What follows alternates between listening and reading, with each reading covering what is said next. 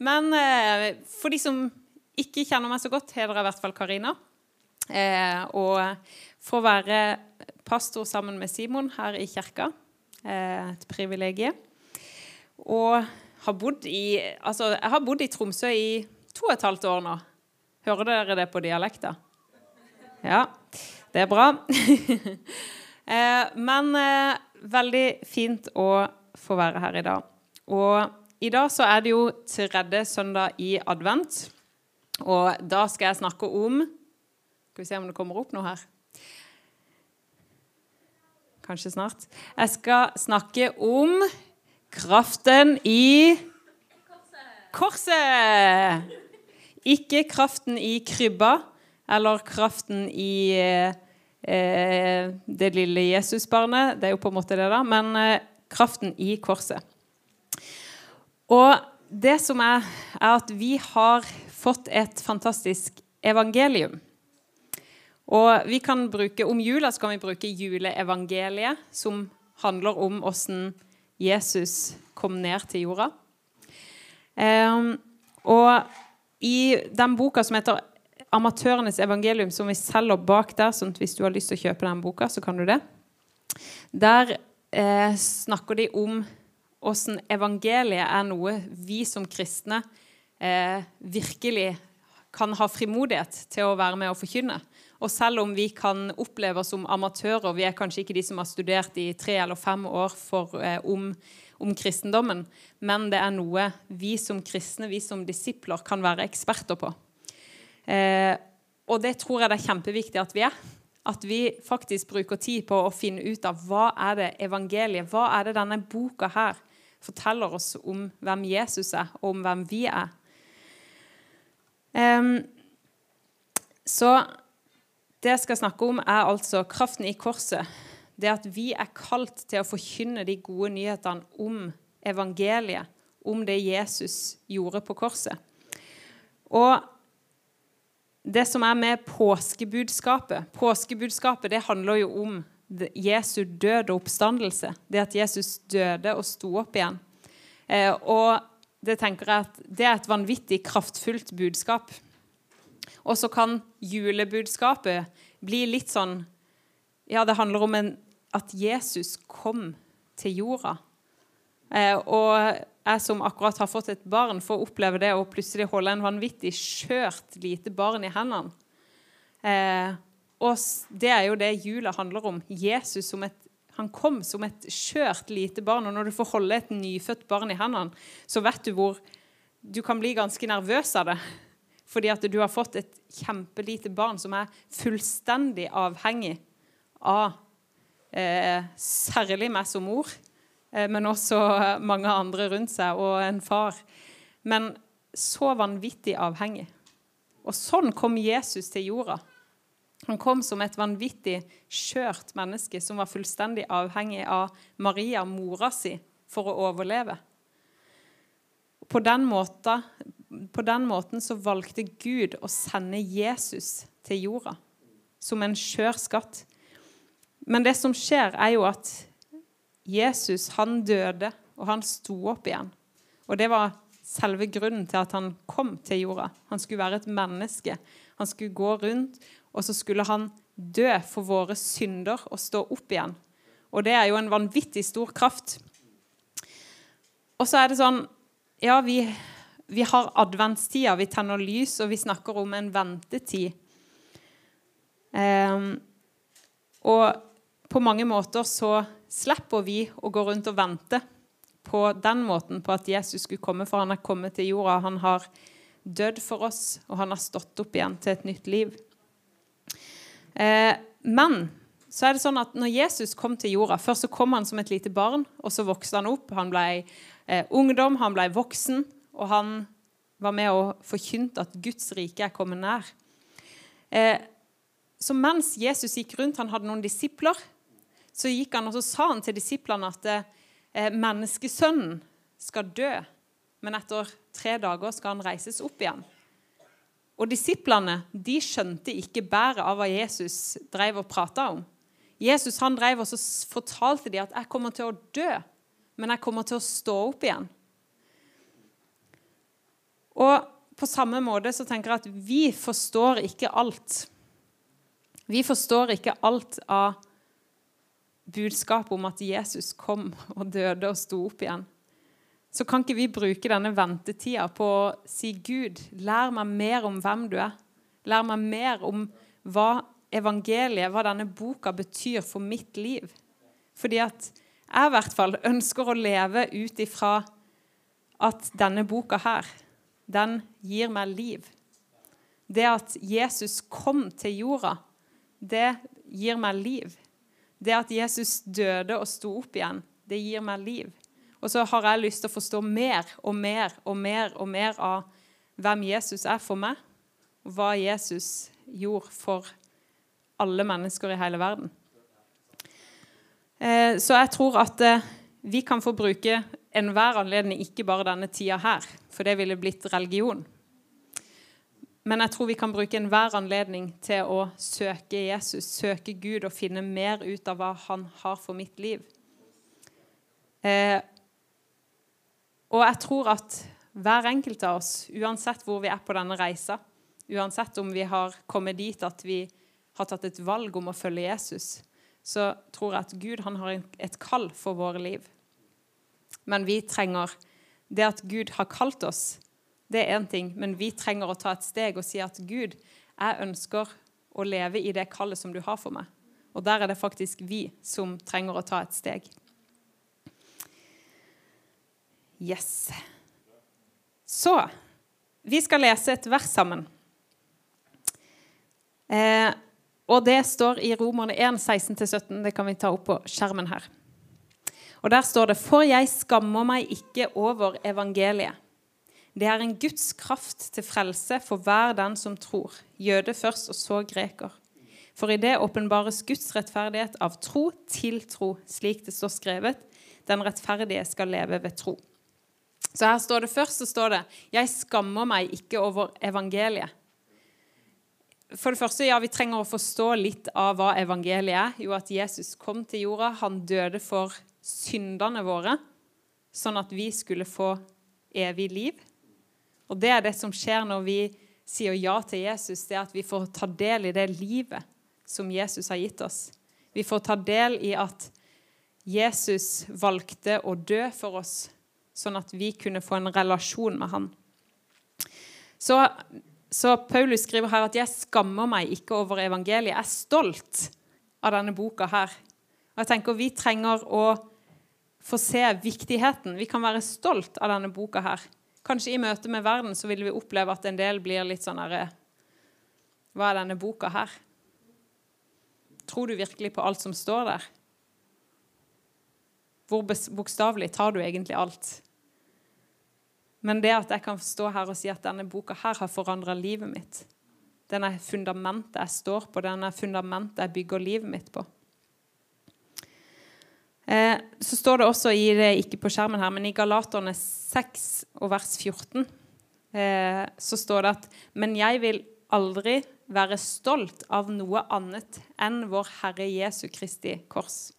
Så I Romerne så står det at 'jeg skammer meg ikke over evangeliet'.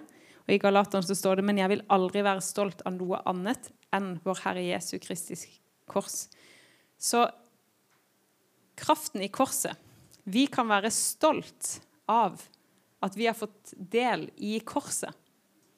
Vi har fått del i at Jesus døde for oss mens vi ennå var syndere.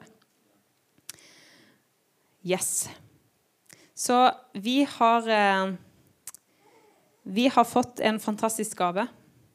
Eh, Jesus han lot oss ikke være her alene, men han ga oss Den hellige ånd Eh, det som Simon snakka om, dette med det åndslivet.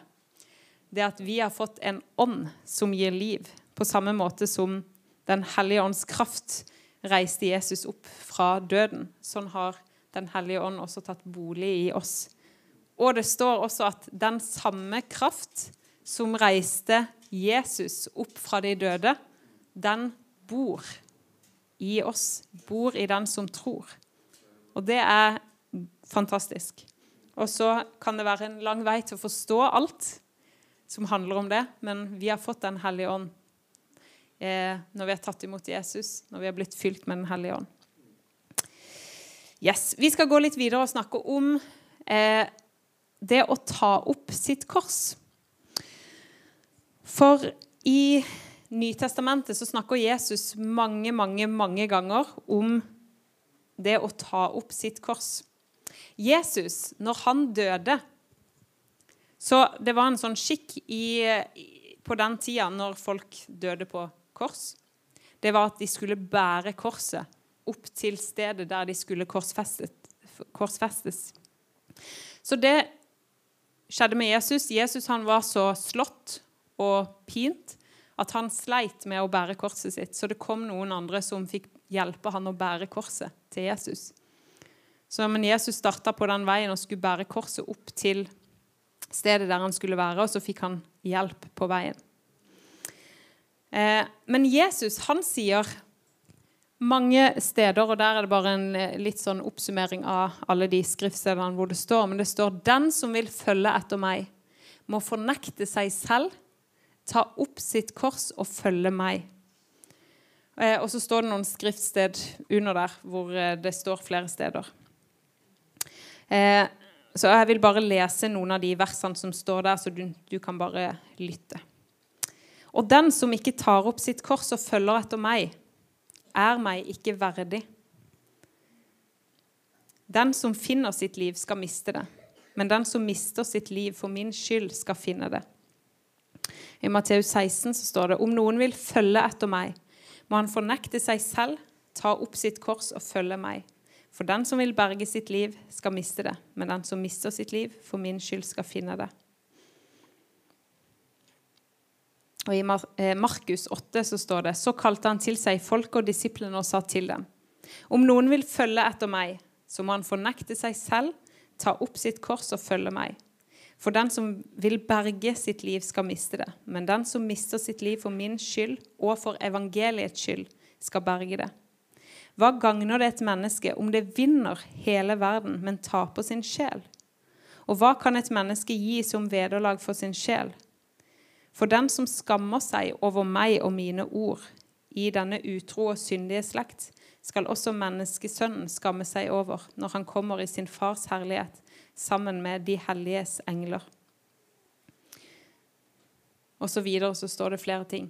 Så, men her så står det, det at Jesus han sier at faktisk at den som vil finne livet eh, Den som vil berge sitt liv, skal miste det.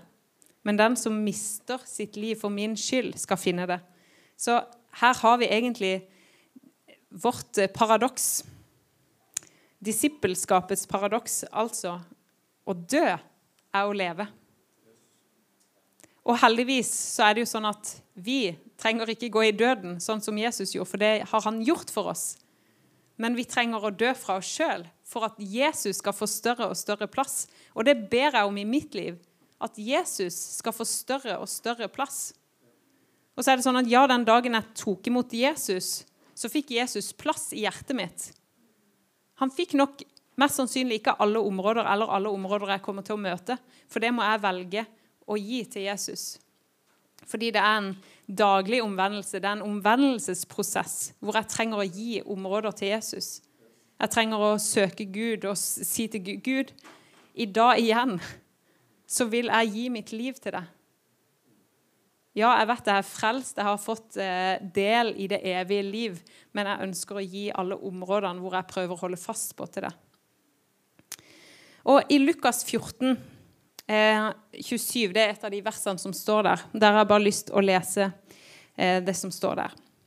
Den som ikke bærer sitt kors og følger etter meg, kan ikke være min disippel. Dersom en av dere bygger et tårn, setter han seg ikke da først ned og regner ut hva det vil koste, for å se om han har nok penger til å fullføre det? For har han lagt grunnmuren, men ikke makter å gjøre tårnet ferdig, vil alle som ser det, gjøre narr av ham og si:" Denne mannen begynte å bygge, men klarte ikke fullføre det. Så her ser vi altså en, eh, at Jesus bruker et bilde på det å sette seg ned og regne på kostnaden. For hvis du skal bygge et drømmehuset ditt i denne tida her hvor alt er litt ekstra dyrt, og alle prisene går opp, eh, strømprisene går opp, bensinprisene går opp, bomprisene eh, kommer, eh, så er vanvittig mange utgifter. Hvis ikke du har tatt med deg det i regnskapet når du skal bygge et hus, så kanskje du står der og har bygga grunnmuren på huset, og så sliter du. Og hva gjør du da? Jo, du må kanskje gjøre noe helt annet fordi at du ikke klarte å fullføre det. Og På samme måte så sier Jesus om det å følge han, at han sier 'regn på kostnadene'. Ja, det betyr faktisk noe. Det betyr at du må ofre noen ting. Det betyr at du kan ikke leve akkurat sånn som du sjøl vil. Fordi at Jesus han vil være herre i livet ditt. Og Det er det som skjer når vi sier ja til Jesus. Jeg sier ja, Jesus, jeg vil at du skal være herre i livet mitt. Jeg vil ikke at jeg skal ha siste ord. Jeg vil ikke at jeg skal bestemme alle ting i livet mitt. Nei, jeg vil at Jesus skal være herre. Og det er en kostnad. Kanskje at du kommer til å bli misforstått. Kanskje du kommer til å bli hånt. Kanskje ikke dine, din familie kommer til å forstå alt. Kanskje ikke dine venner eller kollegaer kommer til å forstå det valget du har tatt. Men er vi villige til å stå opp for Jesus? Er vi villige til å stå opp for denne boka her? Um, det, uh, Jesus sier 'ta opp korset og følg meg'. Og vi har faktisk en jobb med å ta opp korset.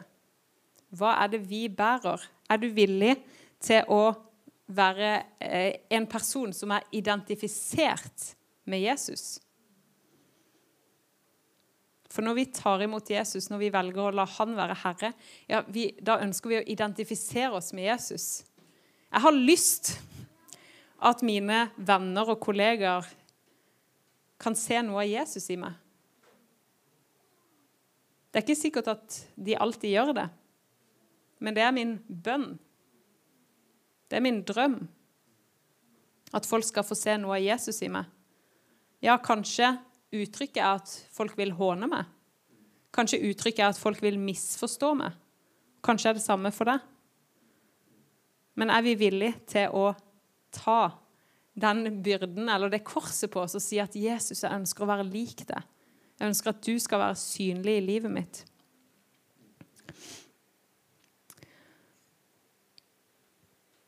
Så å bære sitt kors og følge etter Jesus det å være villig til å fornekte seg sjøl, som det står. Må fornekte seg sjøl, ta opp sitt kors og følge med. Eh, og det å sette Guds vilje framfor mine egne behov, min egen vilje. Og det er ikke alltid Kanskje jeg klarer det i første øyekast.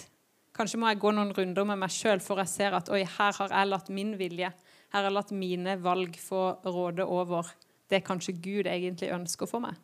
Og så må jeg sette meg ned og så må jeg si, Gud, hjelp meg, sånn at jeg kan gi disse områdene til deg. Så Gud, han har en plan eh, for, for livene våre. Og han har et kall over livet vårt. Og som jeg sa i starten, at eh, vi kan velge å si ja men vi er nødt til å respondere på Gud. Vi er nødt til å respondere på Guds kall over livet vårt. Vi kan ikke bare sitte og vente på at alt skal komme til oss i fanget. Men vi er nødt til å ta et aktivt valg, et aktivt steg, og si Kanskje bruke ordene våre. Kanskje tørre å be høyt. Kanskje tørre å sette ord på noen ting til noen venner som står oss nært. Kanskje vi er nødt til å begynne å lese Bibelen sammen. Kanskje vi er nødt til å begynne å ta noen aktive steg i vårt eget liv, sånn at vi kommer nærmere det Gud har for oss. Um, så jeg har lyst til å lese ei til fortelling. Eller den kan vi lese sammen. Den kommer opp på skjermen. Men det er egentlig den fortellinga som gjorde at jeg ble minnet på dette budskapet i dag. For jeg satt en dag tidligere denne uka eh, og leste denne fortellinga. Og så bare kjente at her Stopp opp, Karine. Her taler Gud. Um, så når vi leser den fortellinga, så, eh, så, kan du bare be Gud om å tale til deg. Eh, men vi kan ta oss og lese den sammen. Det er i Markus 10, 17-22, står det der. Og der står det Da Jesus skulle dra videre, kom en mann løpende, falt på kne for han og spurte, Gode mester, hva skal jeg gjøre for å arve evig liv? Men Jesus sa til ham, Hvorfor kaller du meg god? Ingen er god uten én. Det er Gud. Du kjenner budene. Du skal ikke slå i hjel, du skal ikke bryte ekteskapet, du skal ikke stjele, du skal ikke vitne falskt, du skal ikke bedra noen, hedre din mor og din far, videre. Han svarte, 'Mester, alt dette har jeg holdt fra jeg var ung.' Jesus så på han og fikk han kjær og sa, 'Én ting mangler du. Gå bort og selg alt du eier, og gi det til de fattige.' Da skal du få en skatt i himmelen. Kom så og følg meg. Men han ble nedslått over dette svaret og gikk bedrøvet bort, for han eide mye. Så her ser vi en mann som hadde bestemt seg for at jeg skal løpe bort til Jesus og skal jeg finne ut av hva er det jeg må gjøre for å arve et evig liv.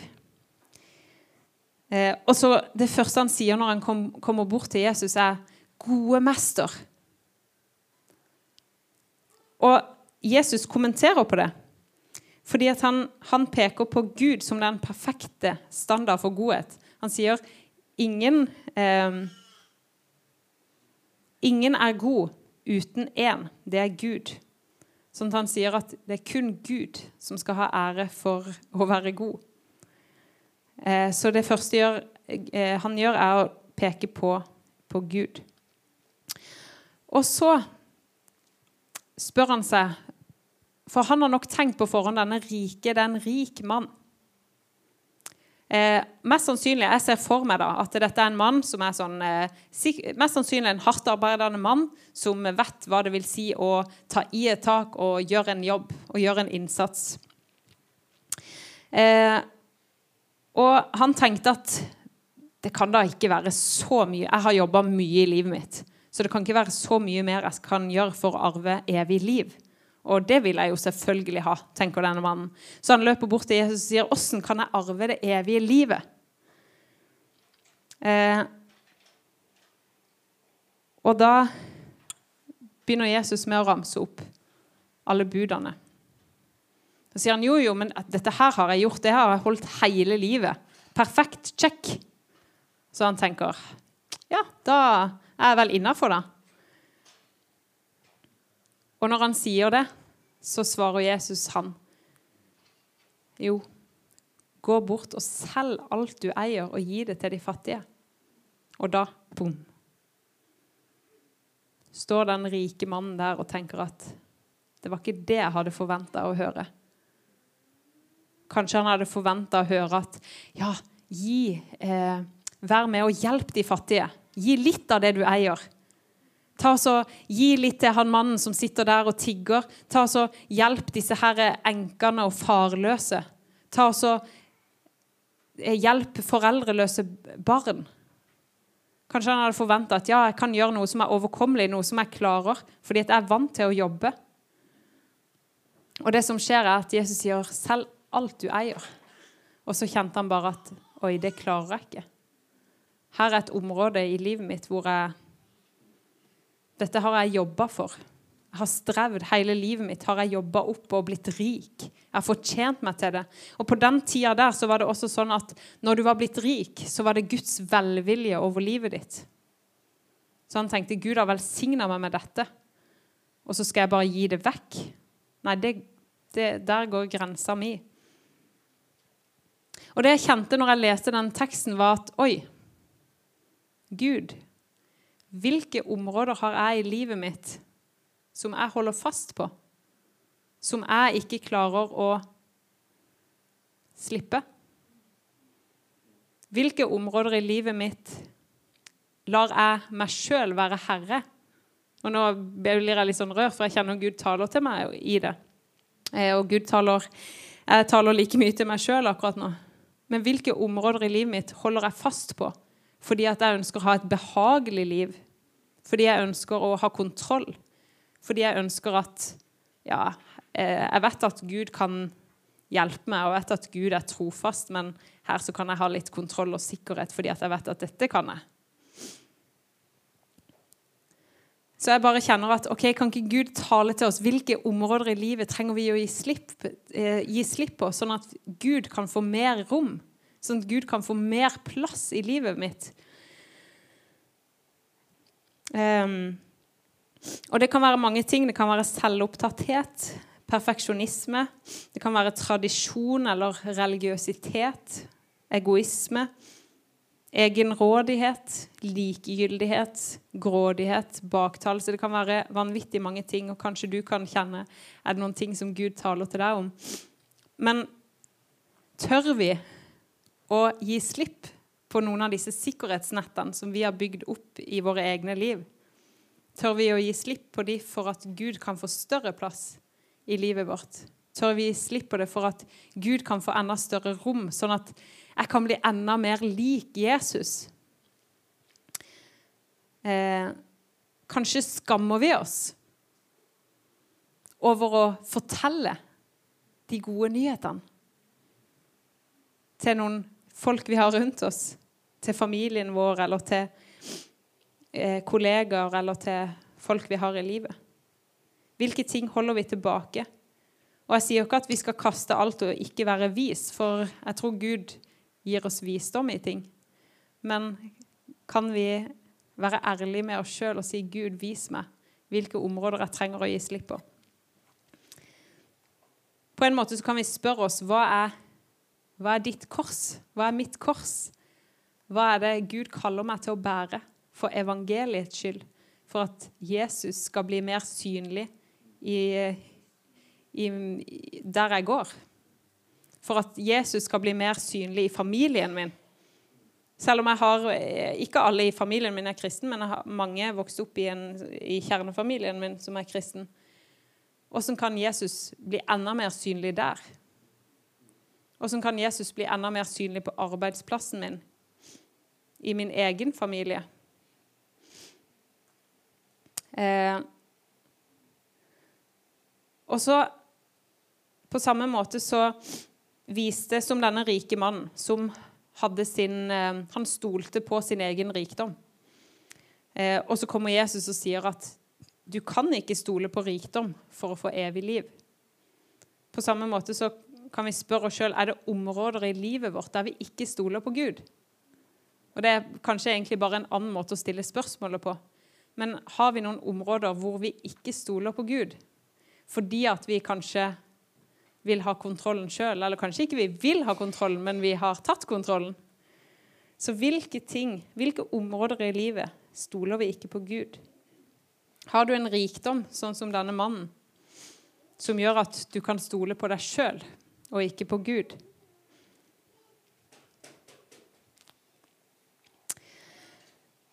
All right. Eh, jeg skal snart gå inn mot en avslutning. Men eh, jeg kjenner bare at eh, dette var i hvert fall et ord som talte til meg. Og så håper jeg at Eller du kan i hvert fall ta med deg det som du opplever taler til deg. Men i alt dette her så tror jeg det er noen konkrete ting vi kan gjøre. Og det handler om at vi kan få ta aktive valg i forhold til det å fylle oss med Guds ord. Eh, og det står flere steder, og jeg leste bare noen vers som jeg har her som handler om det å la sinnet vårt fornyes. For jeg tror på samme måte som at ja, når vi tar imot Jesus, så gir vi han livet vårt, men så må vi stadig ta noen aktive steg i det Gud har for oss. Eh, og på samme måte så trenger vi å la sinnet vårt fornyes. Dag for dag. Eh, så i eh, nå hadde jeg, ikke, jeg tror det er i Romerne, eh, kapittel 12, så står det Bli ikke lik denne verden, men bli forvandlet ved at sinnet fornyes, så dere kan prøve hva som er Guds gode vilje, velbehag og uh, jeg leser en gammel oversettelse, og så kan jeg den der andre oversettelsen inn i hodet mitt, så jeg blanda. Bli ikke dannet lik denne verden, men bli forvandlet ved fornyelsen av deres sinn, så dere kan prøve hva som er Guds gode, velbehagelige og fullkomne vilje. Så bli ikke lik denne verden, men la dere forvandle. Vi er satt i denne verden. Og så har vi fått evangeliet. Vi har fått Jesus som kom ned til jorda, som døde og som sto opp igjen. Og så kan for, kan vi la sinnet vårt forvandles, sånn at vi blir lik Gud. Eh, så står det også i eh, Kolossene, tror jeg det, Kolossene 3 har sinnet retta opp mot det som er der oppe, ikke mot det som er på jorda. Så det der med at vi trenger å løfte blikket, og så trenger vi å se på Jesus. Og det syns jeg er et veldig fint bilde for, for min egen del. det at jeg trenger å løfte blikket mitt. Og hvis jeg står i en situasjon som jeg syns er vanskelig, eller hvis jeg står i, i uh, Ja. Uh, eller hvis jeg bare rett og slett er at jeg føler at oi, nå er det lenge siden jeg egentlig har søkt Gud. Det å stoppe opp og bare OK, Jesus, løft blikket. La sinnet mitt, la hjertet mitt, la tankene mine fylles med Guds ånd, Guds kraft. Eh, og jeg kjenner i hvert fall for min egen del i denne sesongen at Gud kaller, kaller meg til å komme fram for Han i bønn. Og la Guds hjerte bli mitt hjerte. Og jeg håper det er noe som vi kan gjøre sammen. Vi, om, om det er det å bruke denne tida, denne juletida vi går inn i, den ser veldig forskjellig ut. Noen, men de fleste av oss har kanskje mer tid. Noen har kanskje går inn i en enda mer eh, intens jobb eh, hver dag. Men det å kunne bruke denne tida til å søke Gud, til å si Gud, jeg vil, jeg vil at eh, når det nye året kommer Det kan være en veldig fin måte å starte året på. Det å søke Gud i bønn og si at Gud, hva vil du for meg dette året? Jeg vil ikke bare leve ut mine egne drømmer og planer, men jeg vil leve ut det du har for meg. Og så kan vi begynne året med å si, Gud, tal til meg om hva du har på hjertet ditt. Jeg vil at mitt hjerte skal være ditt hjerte. Um, og det er alltid en som prøver å hindre oss fra å bruke tid med han. Vi har en, uh, en annen åndsmakt. Vi har uh, djevelen som prøver å rive fra hverandre alle denne tidsbruken vår. Som prøver å få oss til å ha minst mulig tid til å bruke tid med Gud. Um, men vi, har, vi er satt til å være hode, ikke hale. Vi har makt til å styre tida vår. Sånn at vi kan ta et valg om å si at OK, Gud, igjen og igjen eh, så ønsker jeg å sette av tid til å være med deg. Eh, og det tror jeg er et område som vi kanskje stadig og stadig og stadig kommer til å måtte jobbe med. Men ikke la noen andre får stjele tida di, sånn at vi ikke får bruke tid med Jesus. For det er det som forandrer hjertene våre. Det er det som forandrer familien her i kirka, og det er det som forandrer byen. Det at vi har tatt et valg om at vi skal søke Herren. Har på veggen hjemme, vi har på veggen hjemme et bibelvers fra Gamle testamentet hvor det står Men jeg og mitt hus, vi vil tjene Herren. Det er et valg. Jeg vil at min, meg og min familie skal tjene Herren. Jeg vil ha det som valg for, for meg og mitt liv. Eh, og da trenger jeg å ta den tida. Jeg trenger å ta de kampene eh, når kanskje tida løper forbi. Eh, så det at vi trenger ikke være et resultat av eh, tidsklemma og bruke det som en unnskyldning på å ikke få lest i Guds ord, ikke få tid til å tilbe Gud. Men vi trenger å si at Gud, jeg skal ta den tida til å lese ditt ord, til å tilbe deg hjemme på rommet mitt eller i stua mi eller der det er best for deg. Yes. Så Jesus han så på denne rike mannen. Og så fikk han han kjær, står det. Og så sier han, 'Én ting mangler du. Gå bort og selg alt du eier, og gi det til de fattige.' Da skal du få en skatt i himmelen. Kom så og følg meg. Jesus han har oss kjær, uansett hvor vi står, og hvilke ting som vi, har, vi er opptatt av. Og så vil Jesus, Hjertet til Jesus er at vi skal få legge ned hele livet vårt. Alle de områdene som vi prøver å tviholde på. Han, prøver, han sier, 'Legg det ned framfor meg. Gi det til meg.' Så skal du få denne rikdommen. Så skal du få det evige liv. Så la oss ha en bønn til Gud at han kan vise oss områder i våre egne liv hvor Jesus trenger å få plassen. Hvor Jesus trenger å eh, kanskje hjelpe oss til å legge bort noen ting for at han skal få være herre. Eh, så ja, lovsangeren kan komme opp. Eh, og så tror jeg egentlig vi bare kan ta oss og reise oss opp, og så har jeg lyst til å bare be en bønn.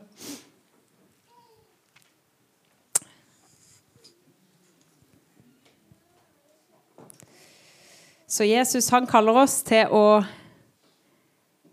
følge han, til å fornekte oss sjøl, til å ta opp vårt kors og følge etter Jesus. Eh, og det er et fantastisk budskap, for Jesus han har gått veien for oss. Han har kommet til jord som et lite, skjørt barn. Han har dødd for oss, og han har stått opp igjen den hellige ånds kraft har reist Jesus opp fra de døde, og den samme kraften bor i oss. Så dette er et seiersbudskap. Så Jesus, jeg takker deg for at eh, du har kalt oss til å være dine barn. Til å komme fram for deg, til å følge deg med hele livet vårt. Og Jesus, jeg bare ber akkurat nå, Herre, at du viser oss områder i livet, Herre, der vi trenger å legge oss flat framfor deg. Takk for at du viser meg ting i mitt liv hvor jeg trenger å legge ting på deg, Jesus. Og takk for at du fyller oss med ditt liv, med din sannhet og med ditt ord. Jesus, jeg bare ber om at denne boka her, om at Bibelen skal være rettesnora i livene våre. At det skal være fundamentet og grunnvollen i livet vårt, Jesus. Takk for at du er trofast. Takk for at du har en plan for livet vårt. Jeg takker deg for hver enkelt her. Takker deg for at du har en plan for hver enkelt sitt liv. Og takk for at du kaller oss til å leve nært ditt hjerte, Jesus. Mm. Takk, Jesus. Amen.